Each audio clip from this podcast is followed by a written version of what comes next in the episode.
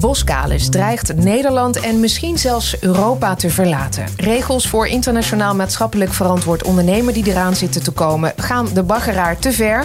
Ja, zo'n dreigement is natuurlijk een manier om beleid te beïnvloeden. En daarom duiken we dit keer in de lobby rond deze wetgeving. Bedrijven proberen die te beïnvloeden op twee schaakborden tegelijk. In Nederland en in Brussel. We hebben iemand uitgenodigd die al jaren intensief met dit dossier bezig is. En dus precies weet hoe de lobby werkt. Sterker nog, ze is initiatiefnemer van de Europese richtlijn die deze zorgplicht voor bedrijven moet regelen. De Corporate Sustainability Due Diligence Directive, zoals die in Brussel heet. Of de uitbuitingswet, zoals ze hem zelf noemt. Namens de commissie Juridische Zaken in het Europees Parlement is ze hoofdonderhandelaar op dit dossier.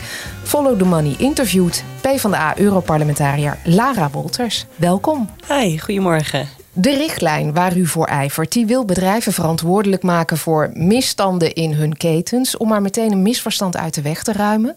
Als dat niet lukt, dan draaien ze daarvoor niet de bak in, zoals VNO-NCW-voorzitter Ingrid Thijssen beweerde? Nee, nee. Um, dat hebben ze slim gespeeld. Uh, iedereen die herinnert zich nu uh, de gevangenis. Uh, maar nee, dat, dat klopt niet. Alleen als bedrijven helemaal geen rapportages doen over de gepaste zorgvuldigheid, heet dat dan, hè? dan kan dat leiden tot strafrechtelijke vervolging. Zou kunnen. Kijk, we hebben het over twee verschillende dingen. Dus uh, had het over die Nederlandse wet over verantwoord ondernemen. Dus een, een initiatief dat in de Tweede Kamer ligt. Daar was het commentaar van dus ik kan zomaar de gevangenis in worden gestuurd. Dat klopt niet. Dan moet je echt uh, alles aan je laars hebben gelapt. Dus hè, niet hebben gerapporteerd, hebben actief hebben gezegd van nou ik ga helemaal niet uh, mijn best doen. Uh, en in de Europese wet, ja, daar is het voorstel wat scherper.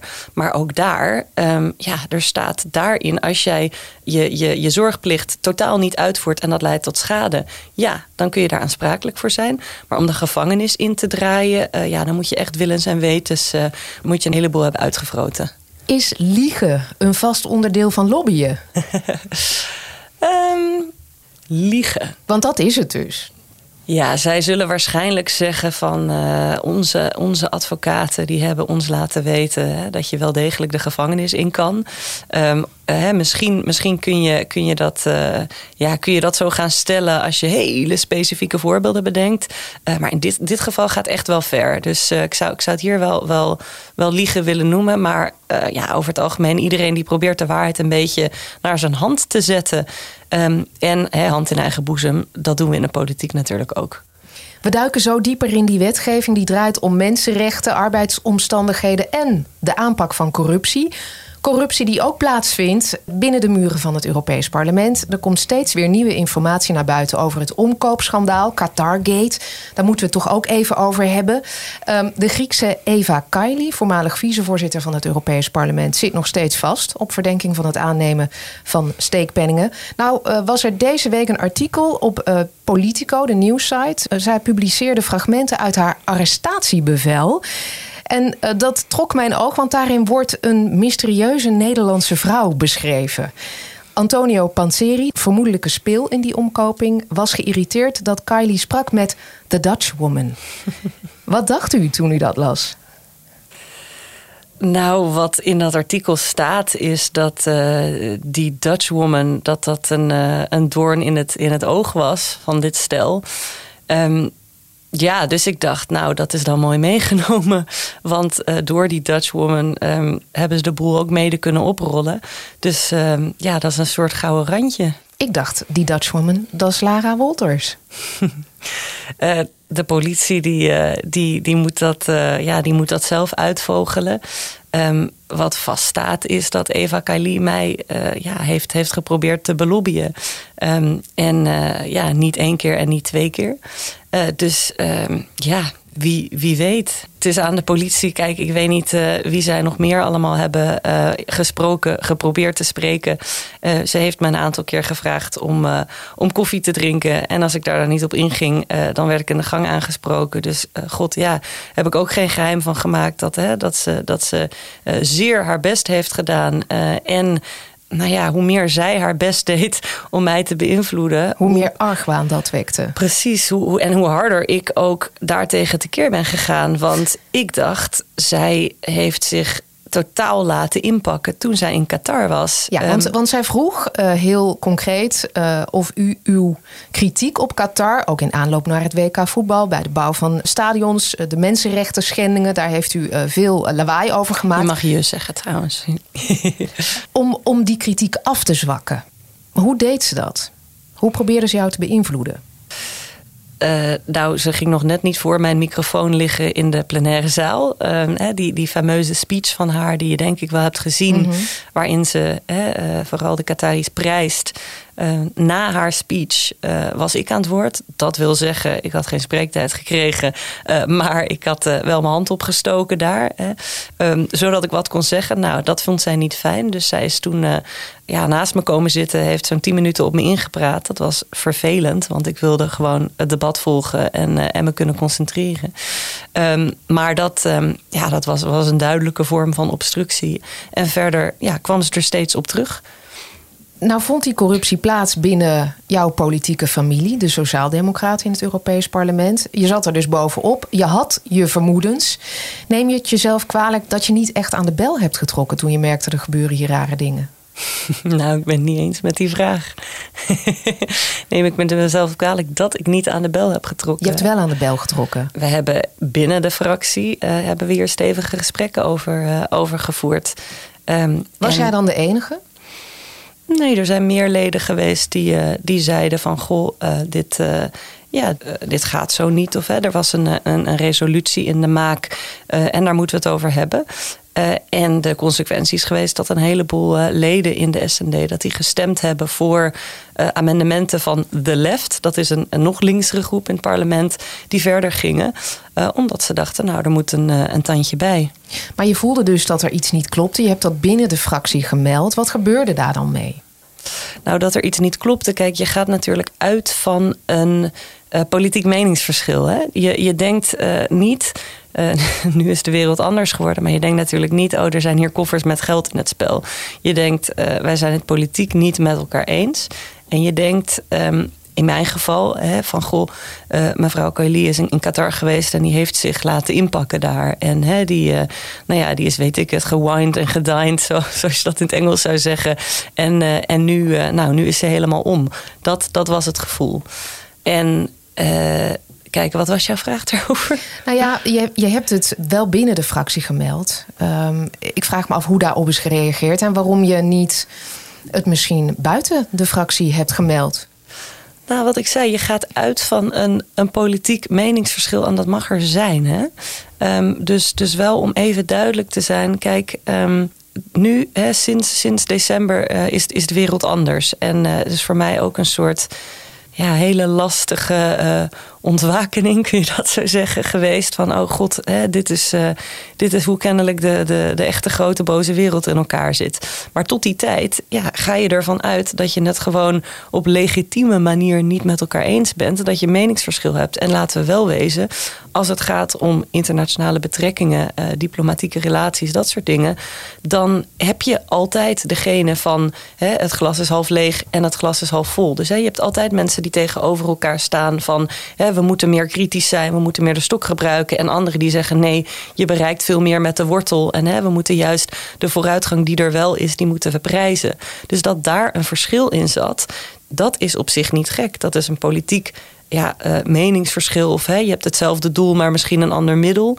Dat... Ja, maar dat een vicevoorzitter je de mond probeert te snoeren, dat is natuurlijk wel next level dat was zeker, dat was zeker next level. Uh, en vandaar ook dat ik daar hard tegen tekeer ben gegaan. Omdat, uh, ja, omdat je denkt van jemig, als zij, hè, als zij is, is ingepakt uh, op die manier, hè, op, ja, op legitieme manier, maar hè, dan, dan is het onwijs belangrijk dat de andere kant van het verhaal en dat geluid, dat dat duidelijk uit de verf komt. En voor mij, kijk, ik was natuurlijk met die uitbuitingswet bezig. Daar ben ik al jaren mee bezig. Mm -hmm. um, en op die manier heb ik me ook elke keer ingelezen in wat gebeurt daar nou? Hoe zit dat met die arbeidsmigranten? Wat is hun situatie? Waarom worden ze in de cel gestopt? Uh, hè, als, ze, als ze vragen om meer loon, terwijl de berichten allemaal zijn van goh, het gaat zo goed. Um, Dus dat was voor mij ook heel erg gewoon de, de, de, de kern van mijn werk. Van ja, we hebben daar een situatie waar ook overigens Europese bedrijven actief zijn. Daar, daar moet wat mee. Maar dat paste voor mij gewoon allemaal in die, diezelfde strijd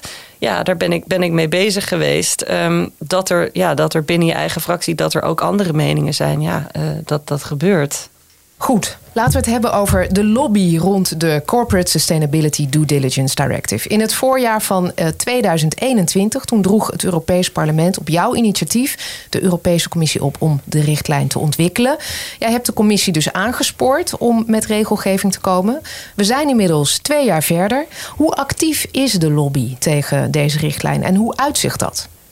De lobby is onwijs actief. Um, klinkt een beetje stom misschien, maar ja, iedereen in Brussel is hier, is hier mee bezig of is hierop aangeslagen. En Brussel zit natuurlijk vol met koepelverenigingen uh, van werkgeversorganisaties en brancheverenigingen. Um, en die, um, ja, die hebben dit allemaal in, uh, in hun vizier.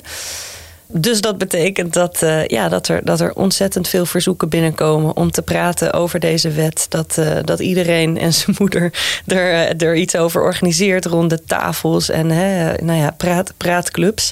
Ja, dat, dat levert uh, best wat reuring en, en druk op. Maar het is wel een project wat al jaren gaande is. Dus het is wel grappig dat iedereen nu is wakker geworden. Terwijl in het begin, wat jij zei, toen heb ik nog een soort, soort luwte kunnen opereren. En toen dachten mensen volgens mij ook een beetje van... ach, hè, dat is een project dat wel zal sterven. Dat is niet gebeurd. En vandaar denk ik nu, um, ja, de aandacht. De aandacht is groot. De hoeveelheid verzoeken om kopjes koffie dus ook? Ja, enorm, enorm. En, en wat doe je daarmee? Uh, op een heleboel dingen uh, nee zeggen. En daar bedoel ik niet mee van, hè, want ik, uh, ik praat niet met lobbyclubs. Lobbyen, dat, dat hoort bij het politieke werk. Net als dat ik informatie zal gaan, gaan halen bij vakbonden en bij NGO's en bij maatschappelijke organisaties. kun je die ook halen bij bedrijven. En laten we wel wezen, hè, die weten vaak het, het meeste van hun sector. Maar het is zo dat er zo'n volume is aan dat soort verzoeken. dat ik een beetje denk van, nou ja, net als dat voor Boskalis toch wel degelijk de rode loper wordt uitgelegd in, in Den Haag. al zeiden ze van niet. Daar denkt Peter Bedowski heel anders over. Ja, nou, ik denk dat recente uh, ontwikkelingen toch laten zien dat Boskalis met alle egaars uh, wordt ontvangen. En Hij zegt: als ik bel, dan nemen ze niet op. Ja. En de luiken gaan dicht. Ja, maar vervolgens uh, is een, een positie naar buiten gekomen dat de ministers die daarover gaan, dat die toch eigenlijk niks zien in die wet. En, nou niet ja, in deze vorm. Niet in deze vorm, inderdaad. Maar het werd gepresenteerd hè, in eerste instantie als een kabinetstandpunt. Nou, dat is denk ik ook geen, geen toeval. Uh, vervolgens hè, uh, wordt er aan alle kanten door VVD-ministers geroepen dat inderdaad dat er een groot probleem is met het vestigingsklimaat. Dus volgens mij heeft meneer Berdowski wel, wel degelijk toegang. En op diezelfde manier um, hebben een heleboel bedrijven ja, bij de Europese Commissie wel een, een luisterend oor. en zij worden natuurlijk ook altijd ontvangen door de Um, nou ja, de Christen-Democraten, dat, zijn de, dat is de grootste groep in het parlement. Mm ja, daar kunnen ze ook altijd terecht. Dus ik zie het wel als mijn taak om vooral ook uh, ja, dat contact met die, die kleinere organisaties te hebben. Want daar gaat het in wezen hier om. Hè. Er is een, een machtsdisbalans in de wereld. Uh, hè, als het gaat om handel en nou ja, multinationals en hun aanvoerketens, dan zit er iets scheef. En omdat er iets scheef is, hebben we deze wet nodig. En dat er iets scheef zit, dat uit zich ook in dat in Brussel, nou ja, dat veel grote bedrijven dat die veel veel meer FTE hebben en veel meer mankracht en veel meer geld om regelgeving te beïnvloeden dan uh, de, de, NGO's. precies. Ja. Wat was het moment dat je besefte, nou, die tegenstand is wel heel heftig. Dit wordt pittig. Kan je zo'n moment aanwijzen? Ja. Ja, ik heb uh, gisteren nog eens even het sms'je nagelezen dat ik kreeg in september 2020 van mijn uh, collega van de Christen-Democraten die voor zijn groep het dossier ging volgen. En dat was toen ik mijn initiatief presenteerde. En dat initiatief, zoals jij zei, dat was de eerste stap. Dus je hebt in, uh, in Brussel geen, als lid van het Europees Parlement, geen echt recht van initiatief, maar je hebt wel een soort achterdeurtje. En wat je kan doen is, als jij met een grote meerderheid een wet kan laten aannemen, tenminste hè, iets wat eruit ziet als een wet, dus artikel 1, artikel 2, en dat heb je zelf geschreven, dan wordt het voor de Europese Commissie heel erg moeilijk om, om dat uh, naast zich neer te leggen. Precies, om dat in een la te stoppen en te zeggen, nou dank jullie wel uh, en tot nooit meer. Dus dat heb ik gedaan. Maar toen ik mijn, uh, ja, mijn versie van die wet presenteerde, toen kreeg ik een sms'je van, van die christendemocraat dat dit een horrifying en een extreme rapport was en dat hij uh, zozeer niet wist wat hij ermee aan moest. Uh, dat ik van alle bedrijven liefdadigheidsinstellingen wilde maken. En dat, dat hij niet eens wist of hij wel met mij om de tafel kon zitten. Maar was dat heel schokkend voor jou? Dat zijn toch gewoon politieke verschillen? Nou, als je één jaar in het Europees Parlement uh, op, op zak hebt, zoals ik toen, dan komt dit wel even hard aan. En toen? Hoe heb je gereageerd?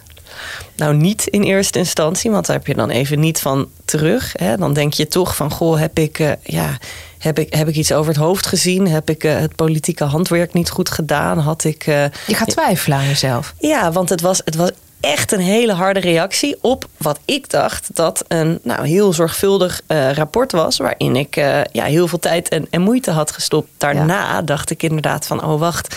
Hè, dit is een vorm van uh, je positioneren. En hoe harder je je opstelt, hoe beter je onderhandelingspositie.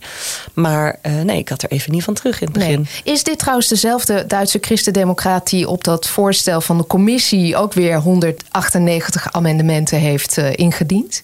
Um, Axel Vos? Ja. Ja. Oké, nou ja, goed. Hij, uh, hij houdt zich bij zijn uh, eerste standpunt, zullen we zeggen. Dat is dus de, de kracht van de lobby. Die begint dus binnen huis. Ik wil even een stap terug naar het belang van die wetgeving. Je zei daar net al wat over. Follow the Money heeft onlangs ook een stuk geschreven over koffietelers... die van slavernij worden beschuldigd... maar tegelijkertijd ongehinderd zaken kunnen doen... met steun van Nederlandse banken. Is dit nou iets waar die nieuwe regels zich op richten? Ja, en gaan ze het ook voorkomen? Hoe, hoe gaat zo'n Europese uitbuitingswet dit soort misstanden voorkomen? Nou, stap 1 moet zijn dat de financiële sector dat die moet checken waar grote leningen voor, voor dienen. Um, dus eh, als je een groot project financiert, uh, we, we, hebben het nu over, over koffiebonen. Um, hetzelfde geldt voor Boskalis, hè, dat, dat uh, een groot baggerproject aangaat. er zit vaak financiering achter. En die financiering die komt van, van banken of van, van investeerders. Nou, die moeten checken van, goh, wat, wat gebeurt er dan eigenlijk met dat geld? Het andere is, zoals ook in, in jullie stuk staat, um, je hebt een verplichting als zo'n wet er is om je te gaan interesseren, om je bezig te houden met mogelijke problemen in die keten. Dus het is een soort anti-wegkijkwet, waarin je je niet meer kan verschuilen achter, ja, maar god, hè, dat wisten we niet of daar hebben we geen grip op. Als je iets ziet, hè, als je iets ziet, um, moet je daar dan iets mee? Ja. En als je iets ziet, je moet het ook gaan zien. Dus natuurlijk, je kunt niet alles zien, maar je moet je gaan interesseren voor wat er ergens gebeurt. En als jij in de, de cacao-sector of in de, de koffiebonensector actief bent, dan moet je weten dat kan ook niet anders, maar dat daar dingen als moderne slavernij, kinderarbeid, et cetera spelen. Dus um, je het moet... is wel heel moeilijk voor een bedrijf dat daar niet zit, dat daar ook weer een toeleverancier heeft zitten die dan bij verschillende plantages zijn koffiebonen haalt. Hoe moet je weten dat daar dingen gebeuren die het daglicht niet kunnen verdragen? Dat is het argument wat bedrijven dan gebruiken. Ja. Het is, het, die ketens die zijn zo lang, die zijn helemaal niet transparant dat is heel lastig voor ons om daarachter te komen. Ja, nou ten eerste, we moeten niet doen alsof dit niet complex is. Dat doet denk ik geen recht aan uh, de discussie, ook niet aan die wet. Je vraagt van bedrijven het mogelijke. Je vraagt om, om dat ze zich inspannen, dat ze een serieuze zorgplicht opstellen. Het is inderdaad zo dat het, dat het complex is. Uh, ook als jij een supermarkt bent, of als je cacaobonen van de andere kant van de wereld haalt. Maar er zijn allerlei manieren waarop je dat kan doen, waarop je dat kan proberen. Het eerste is, je moet in kaart brengen wat de risico's zijn. Nou, in de cacao-sector bijvoorbeeld, of bij koffie, weet je van een aantal problemen. Je kunt ook geografisch vaak zien van hè, er zijn gebieden waar problemen vaker voorkomen uh, dan elders. Je moet contact houden met die toeleveranciers. Je moet die toeleveranciers aanspreken. Je moet gaan graven in, hé, hey, en wat, wat doen die toeleveranciers? Maar wat klopt is, je moet je inspannen. Het is een, een hele serieuze inspanningsverplichting. Het is geen resultaatsverplichting. En daar is een hele goede reden voor. Want als je er een resultaatsverplichting van maakt, van jij mag geen kinderarbeid meer hebben in je keten. Wat er dan gebeurt, dat is dan het averechtseffect. Elke keer dat er dan een vermoeden is, dan zegt een bedrijf van ja, het wordt ons nu te heet onder de voeten. Dan zijn we weg, want hier, hè, nu durven we geen zaken meer te doen. En dat is een probleem, want op die manier verspil je de macht die zo'n bedrijf heeft met de contracten die het sluit, om ook een, een positieve verandering teweeg te brengen. Want dat is het uiteindelijke doel. Daar gaat het om. Ja. Waarom is dit het onderwerp waar jij al je energie in steekt? Waar komt dat vandaan? Er was een gat en dat zag ik. En ja, dat gat dat, dat maakte mij boos. En toen dacht ik, ja, hier moet een wet komen. En waar het om gaat is grenzen stellen. En waar ik heel erg moe van word, is elke keer maar weer in de krant lezen hè, dat, nou, dat er gebaggerd wordt op een plek waar mensen uh, van hun land worden gezet of worden, worden doodgeschoten. Hè, omdat ze in actie komen. In de baai van Manila. In de baai van Manila waar in dit geval. Is dus ja, nou ja, ik, hoeveel, hoeveel, de afgelopen week alleen al hadden we verhalen over Heineken, geloof ik. Hè, die, eh, die ook ergens een. Nog steeds investeert in Rusland? Nog steeds investeert in Rusland. Een bierfabriek had neergezet. Ik weet niet meer of dat in, in Nigeria of elders was. Uh, nee, niet in Nigeria. Dat is dan weer Shell, hè, waar, dan, waar, waar nu uh, nieuwe lekken zijn geconstateerd. Heineken, hè, die zegt van: Goh, ja, mensen zijn van hun land gezet, weten we eigenlijk niet van. Um, ik heb het idee dat dat geen dag voorbij gaat voordat er weer een nieuw probleem is ergens. Waarvan een bedrijf zegt van ja, hebben we geen grip op, wisten we niet van, lastig, ingewikkeld, ver weg. Um, je bent er klaar mee. Daar ben, daar ben ik klaar mee. Het kan toch niet zo zijn dat het antwoord elke keer is: Goh, ja, doen we niks aan. Ja, dat zaadje is wel al heel vroeg geplant. Want je ouders uh, werkten al voor Greenpeace en het Wereld Natuurfonds in ja. Brussel. Ja. Hadden jullie het daarover aan de keukentafel vroeger? Ja, we hadden het over een heleboel. En um, wat wel grappig was, was ik ben inderdaad in Brussel opgegroeid. En in Brussel uh, zitten een heleboel uh, mensen die natuurlijk voor die Europese instellingen werken. En dus zijn neefjes en nichtjes van mij die dachten altijd van... oh ja, jullie zitten in, in Brussel, dat is een beetje chic of zo. Maar ja, wij zaten aan de hele andere kant van dat, dat spectrum. Mijn ouders die werkten inderdaad voor die kleine organisaties. En die waren in wezen altijd de, de, de underdog. En dat was altijd juist het verzet tegen, um, ja, tegen die grote bedrijven die daar zitten, tegen de instellingen die toen nog meer dan nu, maar ook heel vaak heel erg bezig zijn met die interne markt. Hè. Vooral zorgen dat economisch goed gaat met Europa, maar niet per se dat Europa ook heel sociaal is. Dus daar hadden we het heel veel over. Ja. ja. En wat zeiden ze dan? Ja, wat zeiden ze niet? Um, ze, ja, ze vertelden altijd heel veel over, over hun werk en wat ze deden. Maar wat ze uh, wel kenbaar maakten was die, die frustratie van het goede willen doen en werken met ja, echt een maatschappelijk doel en met een sociaal doel. En dan altijd maar oplopen tegen het feit dat je minder middelen hebt dan anderen. Dat je kleiner bent, dat je minder mankracht hebt. Um, dat, dat vechten tegen de bierkaai, zeg maar, dat, dat kwam er wel altijd uit. En ik denk dat dat voor mij ook een reden is om, om, om, om te denken van... goh, als ik iets wil, als ik echt aan de knoppen wil kunnen draaien... dan moet je dat vanuit een, een plek doen als het Europees Parlement. Want anders dan kom je er niet. En wat ik nu probeer natuurlijk is om hè, die NGO's om die heel erg bij te betrekken. Want die, die, hebben, ja, die hebben iemand nodig op zo'n plek. Regelgeving, ja, dat is een complexe dans tussen wat er in Brussel gebeurt en in de hoofdsteden. Breng het speelveld eens in kaart, want we hebben nu wat partijen genoemd. Boskalis, weten we al. Overheden, NGO's, werkgeversclubs. Wat, wat zijn nou exact de spelers hierin en wat doen ze om de besluitvorming naar hun hand te zetten? Um, ik denk dat je ze wel uh, zo'n beetje noemde. Dus je hebt allerlei bedrijven die zelf uh, lobbyisten in Brussel hebben. Dan heb je allerlei koepelverenigingen waar ze zich bij aan hebben gesloten. Vaak is een bedrijf ook lid van meerdere van die koepelverenigingen. Dus hè, een, een grote werkgeversclub, maar misschien ook een club die specifiek over die sector gaat. Um, en dan heb je uh, nou, de maatschappelijke organisaties, de NGO's, de vakbonden. Ook heel belangrijk hierin. Want hè, we hebben het over mensen, we hebben het over werkomstandigheden, veilig werken, et cetera. Dus die, die roeren zich ook in, uh, in dit debat natuurlijk. En dan heb je nog ja, die hele cirkel van ambtenaren en mensen bij de raad, dus bij de lidstaten die hier aan werken, de attachés bij de permanente vertegenwoordiging. Dus Nederland heeft een vertegenwoordiging in Brussel en dan heb je daar een attaché, dus gewoon iemand die dit dossier onder zijn hoede heeft. Uh, dus al die mensen van de lidstaten die afgevaardigd zijn bij de Europese Commissie heb je allerlei ambtenaren die zich erover buigen. Um, en dan wij in het Europees Parlement natuurlijk ook ondersteund door een hele batterij aan advocaten en mensen die uh, moeten zorgen dat het ook in 27 talen kan worden vertaald. En de druk om regels aan te passen. Komt die ook vanuit jouw eigen partij? Collega's uit andere landen die jou vertellen om meer water bij de wijn te doen? Nee, op dit moment zijn wij als fractie um, zijn we echt lekker bezig, als ik het zo kan zeggen. Want we hebben een. Um, we hebben eigenlijk al vrij vroeg vastgesteld van goh, dit is echt een, een onderwerp waar we als, als fractie ook mee bezig willen en waar we ons op willen profileren. Want dit, dit, nou ja, dit gaat echt ergens om. Hè. Dit gaat mhm. om, om mensen en om werkomstandigheden en het gaat om, om milieuvervuiling en klimaatverandering.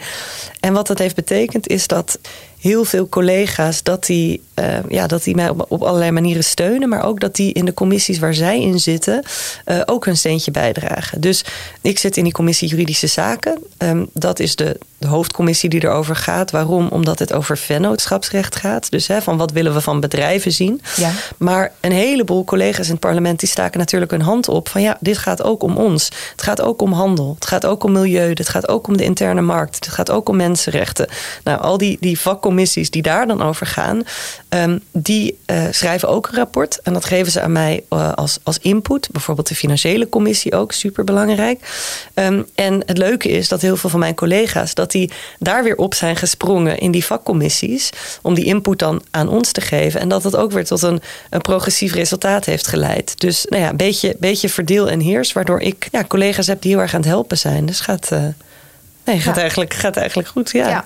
Ik wil even uh, terug naar uh, die verschillende schaakborden. Nederland en Brussel. Uh, werkgeversorganisatie VNO-NCW zit ook in een Europese club, Business Europe. Ja. Um, zij wil dat het Europees wordt geregeld, niet nationaal, zodat de regels voor alle bedrijven in Europa hetzelfde zijn. Het gelijke speelveld. Is dat een legitiem argument? Nou, dat gelijke speelveld, daar wordt altijd mee geschermd. Um, maar als je even nadenkt over wat dat gelijke speelveld betekent.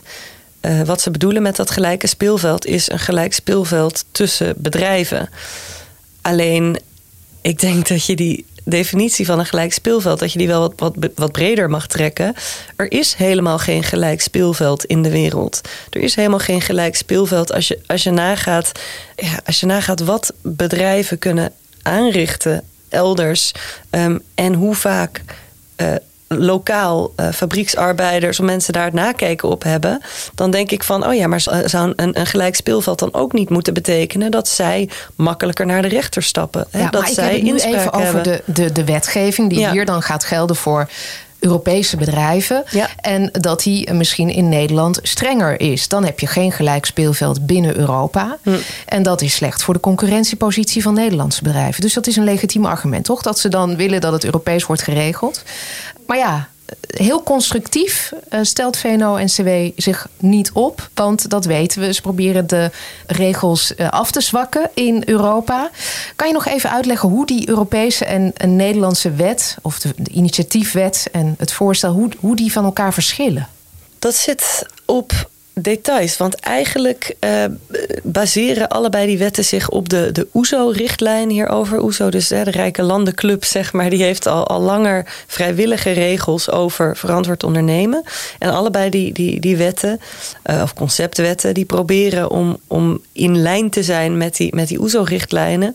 Omdat die richtlijnen heel zorgvuldig zijn opgesteld met bedrijven en met uh, vakbonden aan tafel met, met verschillende landen. Ja, het enige verschil is ook dat ze zich daar niet aan hoeven te houden. Want Precies. het zijn convenanten. En er wordt ook heel ruim mee omgegaan. Precies. En dat is de reden dat je wetgeving nodig hebt. Dat is allemaal vrijblijvend. 80% van de bedrijven houdt zich dan niet aan. Ja. Is dat het? Uh, ja.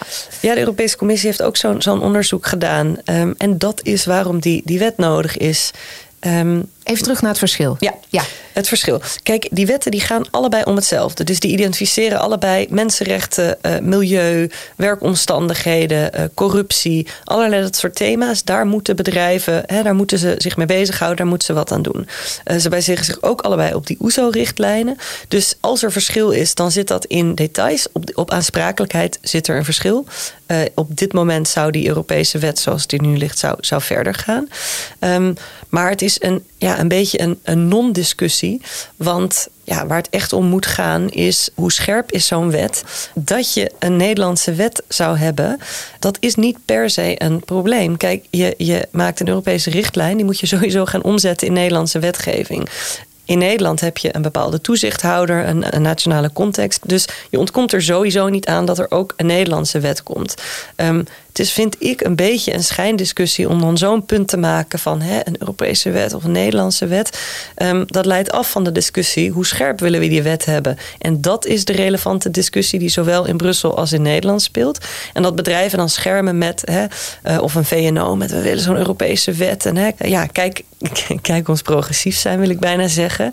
Um, ja, daar gaat het niet om. Want heel veel bedrijven willen inderdaad zo'n zo'n zo'n wet. Want die willen die duidelijkheid. Maar vervolgens is de vraag: hoe, hoe scherp wordt die wet? Gaan we zo wat dieper op in. Ik vroeg me nog af: is het voor een bedrijf met genoeg geld of een uh, lobbyclub, een werkgeversvereniging, is het makkelijker om Europese regels te beïnvloeden dan wetten die op nationaal niveau worden gemaakt?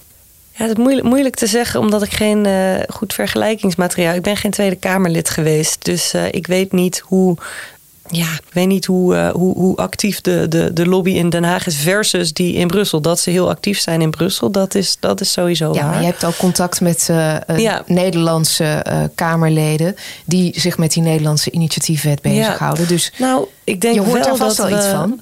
Tuurlijk, maar. Um, dat, ik denk wat, wat zeker klopt, is dat we in Brussel dat we meer in de luwte zitten. Um, en dat was uh, voor mij ook positief, want zo hè, kon dat, uh, dat project ook van de grond komen.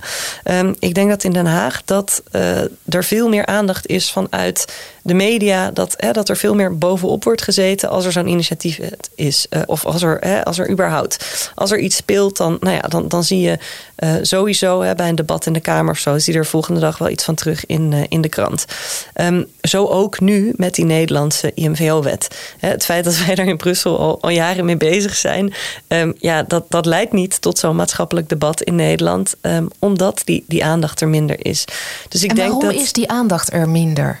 Omdat Brussel groter is, complexer ook, onbekender? En moet ik een beetje aan jullie vragen misschien.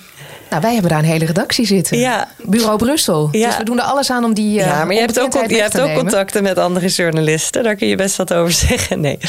Maar is het makkelijker om dat proces te beïnvloeden in Brussel, waar er dus minder wordt gekeken of minder, nou, minder journalisten per lobbyist uh, aanwezig zijn? Ik weet het niet. Ja, uh, er is. Um, ja, god ja, kijk ook in het licht van Qatargate. Je, je moet eigenlijk wel antwoorden ja. Uh, want uh, wat duidelijk is, is dat de boel daar nog een heel stuk transparanter moet. En dat er veel te veel mensen makkelijk naar binnen kunnen lopen, om het maar zo te zeggen. Tegelijkertijd in Brussel schaak je ook een beetje op een 3D-schaakbord. Je hebt uh, binnen het Europees Parlement iets van 700, wat is het, 705 leden. Je hebt de Europese Commissie, die heel wat in de melk heeft te brokkelen. Je hebt die lidstaten. Dus als je daar uh, lobbyt, dan uh, is het ook niet zo dat met het spreken van één persoon dat je al, dat je al, al, al wat hebt, hebt bereikt. Dus je hebt, denk ik, makkelijker uh, toegang. En daar moeten we wat, wat aan doen. En de, de boel moet een heleboel scherper. Aan de andere kant uh, moet je ook ja, veel, veel meer mensen meekrijgen. En dat is überhaupt het complexe van Brussel. En misschien ook wel een beetje het antwoord op de vraag van... goh, waarom is er niet meer verslaggeving over de belangrijke dingen die, die, daar, die daar gaande zijn? Ja, het is... Het is ja, wat ik zei, een soort 3D-schaakbord. Het is, het is complex, er zijn heel veel mensen bij betrokken. Um, en het is ja, ook vaak iets van, van de lange adem. Het zijn processen die even duren. Um, maar daarna heb je dan ook wat, een wet voor 27 landen. Ja. Hoe kijk je naar de opstelling van oud-VVD-Europarlementariër... en nu minister voor Buitenlandse Handel Liesje Schrijnemacher? Want zij heeft zich al uitgesproken, je zei het al. Zij en haar eh, VVD-collega minister Adriaansens van Economische Zaken... hebben zich al uitgesproken tegen die uh, Nederlandse initiatiefwet. Hoe kijk je naar haar rol? Nou, toen ik dat bericht las over uh, wij zien niks in deze wet hè, met, die, met de twee ministers, toen, um, ja, toen was ik geërgerd. Want wat ik toen dacht was, ja jongens, uh, het is verkiezingstijd. Hè, Provinciale Staten komen eraan. Um, nou, uh, handig moment uh, om zoiets in de krant te zetten. Um, dan heb je, ja, heb je meteen ook weer je, je, je hele achterban mee. Dus daar was ik niet heel erg over te spreken. Um, ja, hoe ik verder kijk naar haar opstelling, dat zal nu een beetje moeten blijken. Want de angst die ik natuurlijk had toen ik dat las, was: hé, hey, wat betekent dit dan voor die Europese wet? Want in nou, bericht... Daar heb je ook al ervaring met haar. Want ja. uh, zij was, toen jij werkte aan dat rapport, was zij natuurlijk uh, nog Europarlementariër. Ja. En toen jij twee jaar geleden met dat rapport kwam, waarin dus die voorwaarden stonden waaraan dat wetsvoorstel van de commissie zou moeten voldoen, toen kwam zij, collega's van Follow the Money hebben dat helemaal zitten uh, doorspitten. Mm -hmm. Zij kwam toen met 89 amendementen. Wat probeerden ze daarmee te bereiken? Ja, wat, wat de VVD überhaupt probeert te bereiken. Zoveel mogelijk ja, duidelijkheid, maar ook uh, flexibiliteit voor, voor bedrijven. Ja. Um, kijk, dat zij uh, van VVD-huizen is en, en was als Europarlementariër, ja, dat is een gegeven. Dus uh, de Niet VVD. verwonderlijk dat zij de lijn van VNO-NCW uitdraagt. Uh, nee, tenminste, ik vond, vond dat geen verrassing dat haar amendementen hè, dat die erop gericht waren om um, nou ja, het leven van bedrijven overzichtelijker te maken. Um, maar het um, betekent natuurlijk wel dat ik als, als P van de A dat ik heel goed ga opletten hoe Nederland zich opstelt in die discussie in Brussel. En uh, op zich heeft Nederland zich wel in Brussel um, nou, ingezet voor een, een scherpere uh, due diligence richtlijn. Dus hè, dat, dat, uh, ja, hoe dat proces gaat, ik weet niet of ik dat even moet uitleggen. Maar... Ja, want wat, wat er is gebeurd is, uh, eind vorig jaar hebben de landen, de lidstaten, die hebben in de raad, waar ze die wetsvoorstellen dan bespreken, daar hebben ze een gezamenlijk standpunt bereikt. Maar Nederland heeft tegengestemd. Ja. Waarom? Dat klopt. Uh, nou, er is een, een, brief over geweest. En wat erin staat is dat Nederland met name uh, baalde van het feit dat de financiële sector dat die wordt uitgesloten. Tenminste, als het aan de lidstaten zou liggen. He, die hebben een, een, een, positie bereikt, die hebben een, een conceptversie gemaakt. En ja, in die versie staat dat de financiële sector. Um, dat hij niet per se hoeft mee te doen. Dat wil zeggen dat lidstaten zelf mogen bepalen of ze aan banken, investeerders, pensioenfondsen, et cetera, of ze ook zo'n zorgplicht gaan opleggen. Waar we het net over hadden, in ja. het geval van die Nederlandse banken die zo'n koffiemultinational gewoon financieren. Dat ja. zouden ze dan, als die regels zouden gaan gelden ook voor uh, financials, zouden ze niet meer ja, zomaar kunnen doen.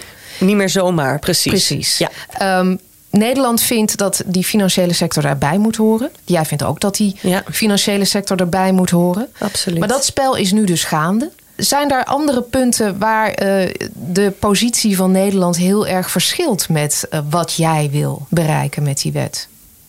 Nou ja, Nederland heeft natuurlijk een, een, een liberale regering op dit moment. En dat klinkt door in uh, hoe ze naar die wet kijken. Dus hè, waar ik vooral bezig ben met nou ja, dat, dat echte gelijke speelveld wat ik noemde. Mm-hmm. Uh, dus hè, toegang tot het recht en, en zorgen dat er aansprakelijkheid is. En zorgen dat nou ja, directeuren ook hun, hun verantwoordelijkheid nemen. Um, komen zij natuurlijk vanuit een andere hoek, namelijk uh, zorgen dat bedrijven weten waar ze aan toe zijn. Dat er duidelijkheid is dat ze niet zomaar voor de rechter kunnen worden gedaagd. Um, en overigens. Um, ook terecht, omdat er natuurlijk wel een jungle is inmiddels aan keurmerken en standaarden en, en hè, vrijwillige convenanten en, en nou ja, dingen waardoor je echt allemaal door de boom het bos niet meer ziet. Hè. Bedrijven niet en consumenten ook niet. Um, dus wij, wij hebben daar natuurlijk uh, uh, andere ideeën over. Tenminste, als ik het heb over deze regering. Waar je het bijvoorbeeld duidelijk in terugziet, is ik denk dat het heel erg belangrijk is dat zo'n zorgplicht en, en nou ja, hè, voor die uitbuitingswet, dat dat chefzage wordt. En wat ik daarmee bedoel is dat als jij in, uh, in de, de raad van een groot bedrijf zit of Als jij daar in de, de, ja, de C-suite, zeggen ze altijd in het Engels, hè, als jij hoort bij het bestuur van een bedrijf, dat jij dan sowieso op jouw bureau ja, deze onderwerpen voorbij moet zien komen. En waarom?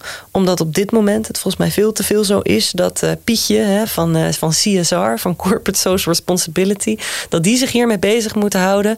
En dat misschien de PR-afdeling, die hè, een, eh, een glossy brochure maken erover, dat die zich ermee moet bezighouden. Maar niet per se de CEO van het bedrijf. Het moet in de boardroom worden behandeld. Ja, dat, dat vind ik. Um, omdat ik vind dat dit, dat dit een, een, een, fundamenteel, een heel belangrijk onderwerp is. Wat, wat raakt aan, aan de core van een bedrijf. En zeker in een tijd waarin heel veel bedrijven zeggen van oh, wij verkopen geen computers. Wij, uh, ons, ons mission uh, statement is dat wij uh, werken aan een betere wereld of zo. Mm. Nou, als, als dat allemaal zo is, dan mag dit dus naar de boardroom toe. En daarvan zegt Nederland, om te antwoorden op jouw vraag, van nee, dat moeten we absoluut niet doen.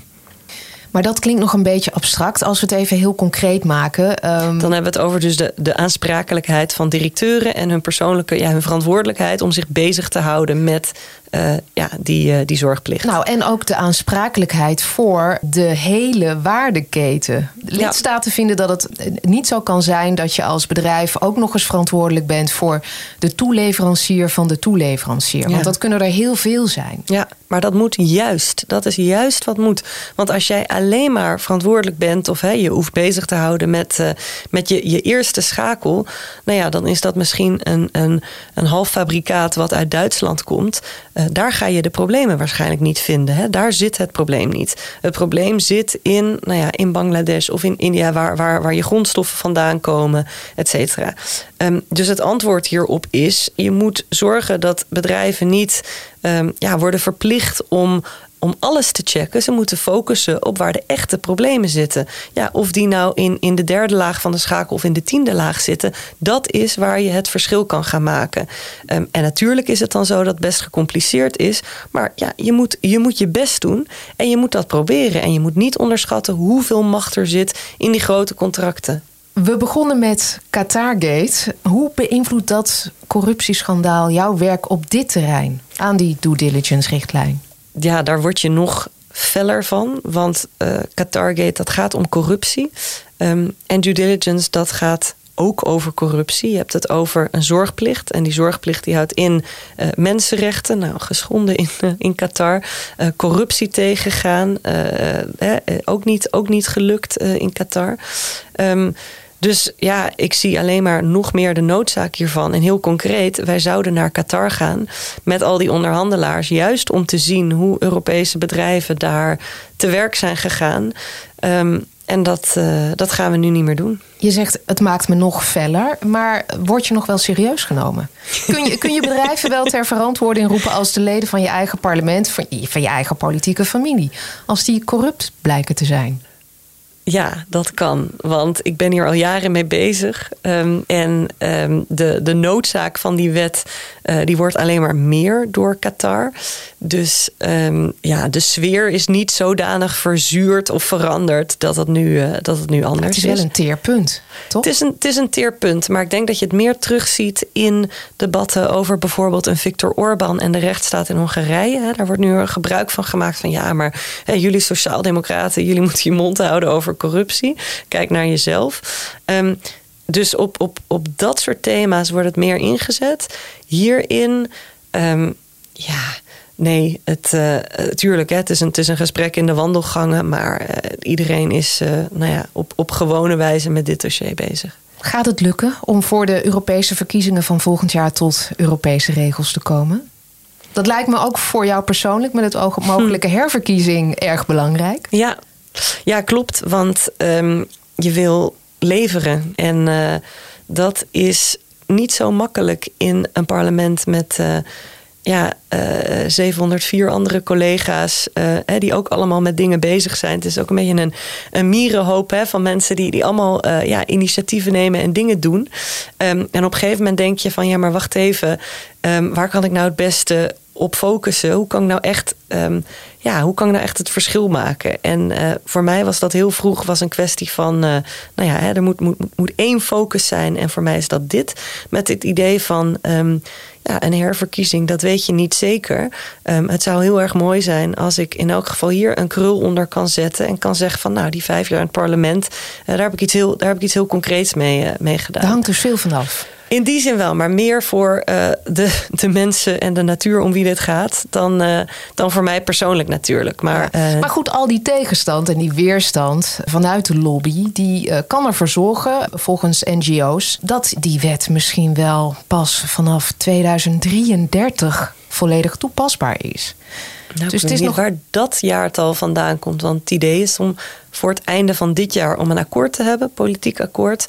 Um, en dan, ja, meestal heb je het over een, een invoeringstermijn, een omzettermijn van twee jaar. Daar gaan we nog over onderhandelen, dus wie weet. Maar um, nee, dat lijkt, me, uh, dat lijkt me wel erg ver in de toekomst. Die, uh, die heb ik nog niet gehoord. Oké, okay, nou, je gaat voor een herverkiezing. Je bent nog niet klaar met, uh, met Brussel na Qatargate en die cynische lobby tegen je plannen? Nee, ja, je wil door. Ja, tegenovergestelde. En wat ik zei, als je dat, dat soort dingen om je heen ziet, dan denk je, goh, eh, belangrijk dat, um, nou ja, dat mensen die daar wel met de goede redenen zitten, dat die, uh, dat die doorgaan en dat die zich niet laten, laten afschrikken. En überhaupt, hè, er, is, er is voldoende uh, te doen daar. En we zijn als parlement gelukkig nu bezig met allerlei ja, stukken van, van ja, wetgeving over verduurzaming, over de circulaire economie, over wat voor handel we willen voeren in de wereld, over het zorgen dat nou ja, hè, houtkap vermindert, batterijen duurzamer worden. Er is zo onwijs veel gaande. En in die zin is het ook een hele dankbare tijd om als progressief politica in dat parlement te zitten. Er, er kan echt wat. En op um, ja, deze uitbuitingswet. Hè, want jij uh, hebt er volgens mij een beetje een hard hoofd in. Maar de, de christendemocraten die um, de felste uh, tegenstand leveren... die zijn zich uh, echt aan het isoleren op dit moment. Want dit is een onderwerp wat mensen begrijpen. En zij, ja, zij zijn zich aan het ingraven in, in loopgraven met hele harde standpunten nu. Gevoed ook door een, een hele harde Duitse tak van, van die christendemocraten. Maar ze komen steeds meer alleen te staan. Mm -hmm. En dat merken ze um, en dat merk ik. En dat stemt mij eigenlijk heel erg positief op dit moment. Lara Wolters, PvdA-Europarlementariër, dankjewel. Graag gedaan.